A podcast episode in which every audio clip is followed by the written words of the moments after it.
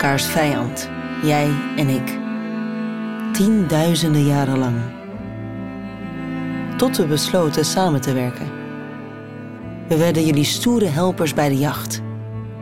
Hoewel, stoer. In de middeleeuwen hingen jullie ons vol met juwelen, goud en zilver. De vijand van vroeger werd een schoothondje voor de adel? Als voormalig wolf schaam je je toch dood? Alleen jullie kinderen maken nog kennis met onze wolvige voorouders. Zij slapen s'nachts in met sprookjes over geitjes en meisjes met rode kapjes die worden opgevreten. Waarna mijn familielid bruut wordt omgebracht. En dat meisje staat te juichen. Ik snap het niet. Terwijl ik kinderen echt om op te vreten vind. Nou ja, niet. Nou, je begrijpt wat ik bedoel. Ik doe spelletjes met je. Ik kan tot vijf tellen, rekenen en wel 250 woorden en gebaren onthouden. Ik kan ervoor zorgen dat je het leven weer ziet zitten. Dat je je fijn en beschermd voelt. Dat is wel even wat anders dan een boze wolf. Ik denk dat mijn voorouders daar best trots op zouden zijn. Ach, ze komen uit school. Vandaag neem ik je mee op een nieuw avontuur. Ook een sprookje, Kom maar, Falco. maar dan echt gebeurd. Ga je mee? Hey. Oh, heb je Freek gemist? Kijk, nou hebben ze slof helemaal gepakt voor jou. Mooi, hè? Hij was zo blij als je thuis komt, Freek. Wil je beneden of boven? Je koptelefoon, die had ik eh, boven in een mand, Freek. Ik ben Daisy, ik ben 37 jaar. Ja, ik ben Freek, ik ben eh 10 jaar en dit is mijn hond Falco. Eh help me met in slaap vallen. Als ik verdrietig ben, maakt hij me ook soms weer blij. Gaat hij mijn gezicht likken met me lachen. Gewoon een soort broertje-achtig iets.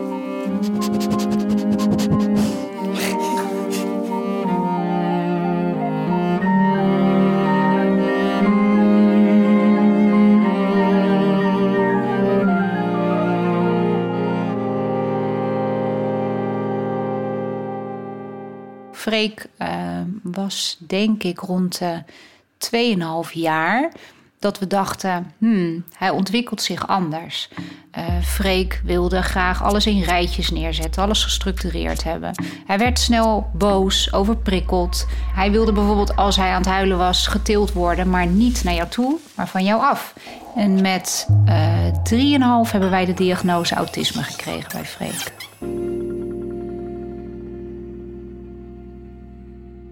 Wij lopen echt wel tegen problemen aan met onze zoon. Dat hij bijvoorbeeld de straat overrende in die tijd. Een, een wandelingetje in de supermarkt was voor hem gewoon heel lastig. Want hij zag bijvoorbeeld chipjes staan die niet recht geordend waren. Dus hij ging naar die chips toe om het allemaal netjes neer te zetten. Ehm, elk dingetje op de grond wilde die oprapen, wilde die opruimen. Dus hij raakte onwijs overprikkeld van alleen maar een, een, een boodschapje halen in de supermarkt. Je bent eigenlijk 24 uur per dag bezig met het kind om in zijn wereld, eh, nou ja, ze noemen het ook wel eens vanuit een autie-bril te kunnen bekijken. Zelf heb ik daardoor ook een burn-out gekregen, omdat ik gewoon niet meer wist. Ik heb een moederrol, ik heb een begeleidende rol. eh, ik, heb, ik, ik ben ook nog een vriendin. Ik, nou ja, je hele wereld verandert eigenlijk gewoon. Want je staat 24 uur per dag aan voor je kind, uiteraard. En er waren momenten dat we gewoon heel weinig afspraakjes konden maken. Mensen op visite uitnodigen is gewoon heel lastig. Want je weet dat het gevolgen heeft. En dat je daar soms één of twee dagen lang nog mee bezig bent... om weer die spanningsboog een beetje omlaag te krijgen. En dat zijn momenten dat je wel eens denkt als ouders van... poeh, en nu? Hoe gaan we dit nu verder doen?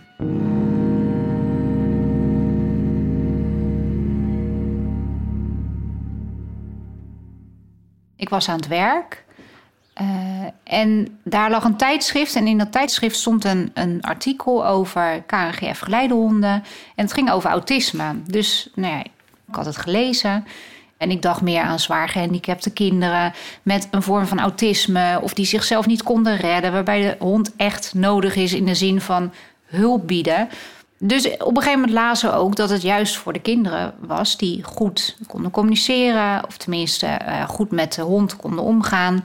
Nou ja, Freek is gewoon een dierenvriend. Dus de jongen die daarin beschreven werd, dat was precies zoals Freek is. En kinderen komen in aanmerking voor een autisme tussen de vijf en zeven jaar was toen uh, uh, de regel. Ik dacht, oh, het is gewoon een unieke kans. We gaan het gewoon doen.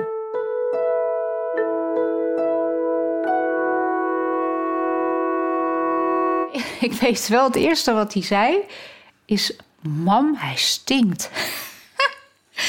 maar dat komt gewoon, een hond heeft gewoon een hondengeurtje. En dat was ze niet gewend. Dus nou, we hebben samen valken gewassen en daarna was het ook goed. En nu, hij, hij zit alleen maar aan het te ruiken. Hij vindt, hij vindt het allermooiste wat er is. Een autisme-geleidehond van het KNGF, die hebben ook een tuigje uh, zoals een blinde geleidehond. Alleen ehm, zit dat tuigje nog met een uh, riempje vast om de middel van het kind. Dus die zitten aan elkaar op die manier gekoppeld. En um, nou ja, ik merkte al gauw, doordat Freek aan de hond vast zat, dat je ook niet in paniek hoefde te zijn. Je hoeft van tevoren niet te overzien wat voor verkeer er rijdt. Want Freek zit vast aan de hond en ik heb de hond vast. Dus het was gewoon heel handig. Want voor de stoep zeiden we nou tegen de hond sta. En de hond bleef staan. En ook al liep Freek de straat over, de hond bleef staan. Dus hij werd geremd door de hond. Waardoor Freek oh zoiets had van... Oh, wat gebeurt er eigenlijk om me heen? Hij kreeg een soort besef van Waar ben ik? Oh, wacht even. Ik ben op de stoep. Ik moet even wachten, want dat zei mama net. Dan heeft hij de tijd om daar toch wat langer over na te denken, om het te verwerken en uiteindelijk toch te reageren op wat ik zei. Dus het gevoel dat hij dat dan zelf deed, was gewoon enorm. Hij had een stukje zelfvertrouwen terug. Ik ook. en hij ook, want hij deed het zelf. Valk gooit dan de dobbelsteen en zegt ja, goed zo. En dan gooien. Nou, wat denk je dat hij gaat gooien? ik denk dat hij gaat gooien vijf. Ik denk drie. Ik denk vier. Wat gaat hij gooien? Ik Valk denk... gooien? Een drie! Yay! Oké, nog een keer. Ik denk één. Oké, okay, nou dan moet Valk even zitten. Uh, sinds we Falco hebben, hebben we Falco kunnen inzetten. Een beetje creatief moet je daarmee omgaan.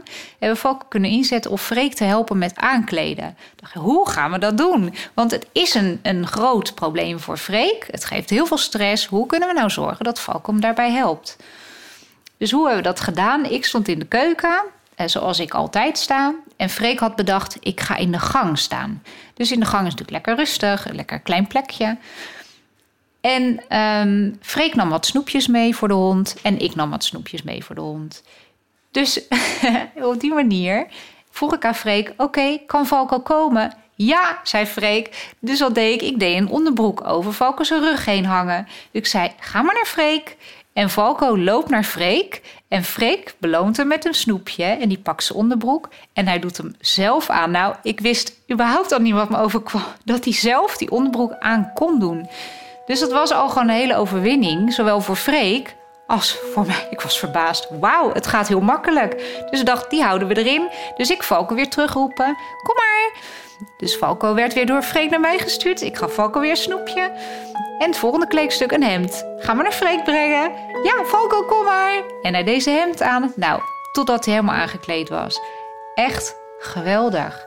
En nou ja, dat, dat heeft Freek al zoveel meer geholpen. Hij was ineens binnen drie minuten aangekleed in plaats van dat we er twintig minuten over deden.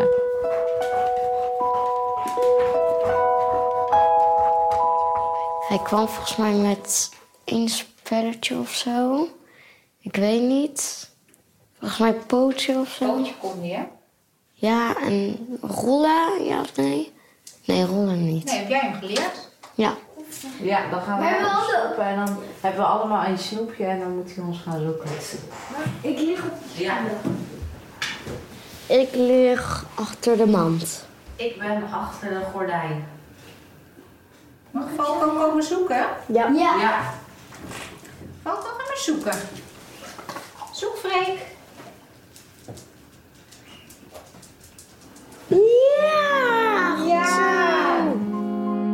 Het leek alsof Falco wist dat, dat hij voor Freek was. Dat is heel bijzonder.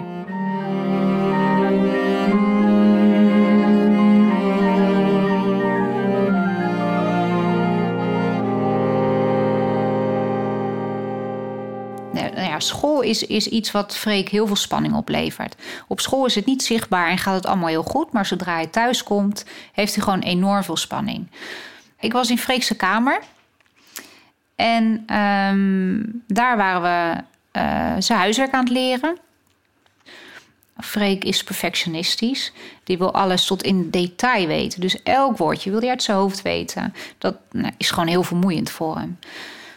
En nadat hij zoveel spanning had opgebouwd, eh, ben ik bij hem gaan zitten op de grond. Maar Freek had zich al verstopt onder een kleedje.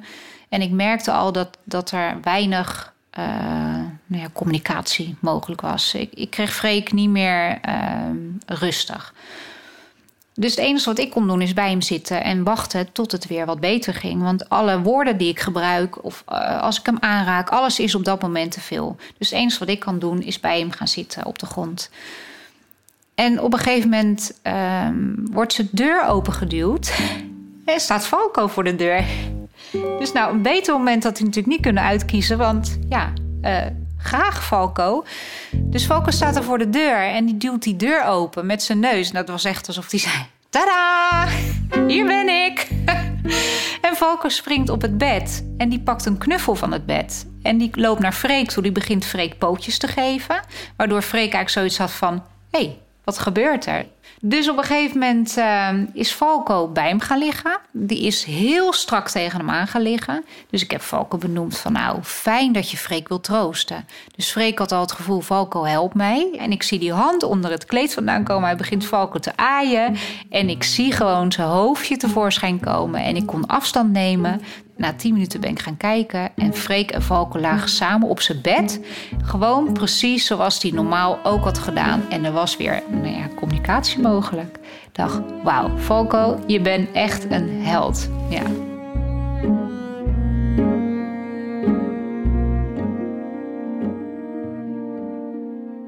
Het is gewoon weer fijn om contact te hebben met je kind. Je ziet dat hij gelukkig is. En alleen maar doordat er een hond bijstaat, die, die hem begrijpt, die hem helpt, die overal voor inzetbaar is, want hij wil gewoon graag werken en hij wil graag helpen. Dat is heel mooi. Ja.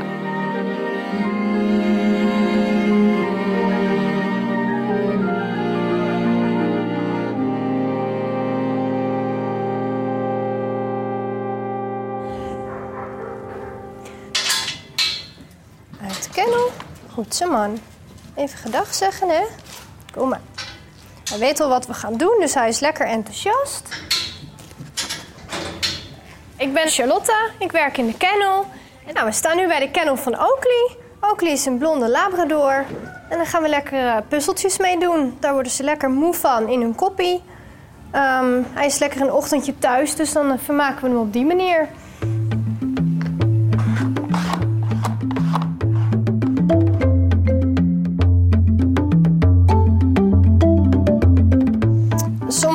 Onze honden uh, worden ook buddyhond voor kindertjes. Uh, en dat is, dan is puzzelen een van de dingen die ze wel uh, bij hun nieuwe baasje gaan doen. En dan kunnen wij ze alvast een beetje manieren aanleren waarop ze dat netjes kunnen doen. Dat ze netjes wachten, zodat dat kindje waar ze dan bij terechtkomen... dat gewoon heel erg op een prettige manier met ze kan oppakken. Goed man. Dat is netjes wachten van jou. Nou ja, dit is een, uh, een puzzel in, uh, in de vorm van een, een bot. Uh, van plastic. Er zitten allemaal schuifjes in. Onder elk schuifje kun je een koekje neerleggen. en dat kan de, de hond dan met zijn neus schuiven of met zijn poten schuiven. En dan moet hij echt proberen om het, om het koekje daaronder vandaan te halen. goed man, netjes liggen van jou, heel knap. We moeten hem natuurlijk wel even belonen als hij netjes blijft liggen, want dat is heel knap van jou. Nu, zijn halsband af. Kijk eens, doe maar. Ga maar zoeken.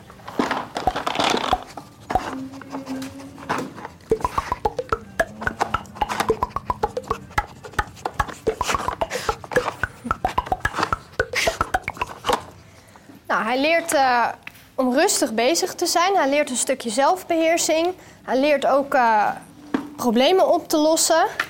Eh, en, en een beetje doorzettingsvermogen. Maar hij leert ook om gewoon lekker samen bezig te zijn. En het is een stukje ontspanning ook voor ze. terwijl ze wel wat uitdaging krijgen om lekker met hun koppie bezig te zijn. Want uiteindelijk wordt een hond daar moeier van dan van een uur wandelen. Dus eigenlijk zeggen ze dat uh, vijf minuten hersenwerk staat ongeveer gelijk aan een uur wandelen qua prikkels voor, voor een hoofd. Ja, is die leeg? Nou, dan ga je weer terug naar je kennelman. Kom maar, ga je mee? Ook kijk. Kom maar. Deze kant op, ja. Nu wordt het tijd voor een plas en lekker snuffelen aan een soortgenoot. Want al vinden jullie ons niet altijd lekker ruiken, ik vind die wilde lucht heerlijk.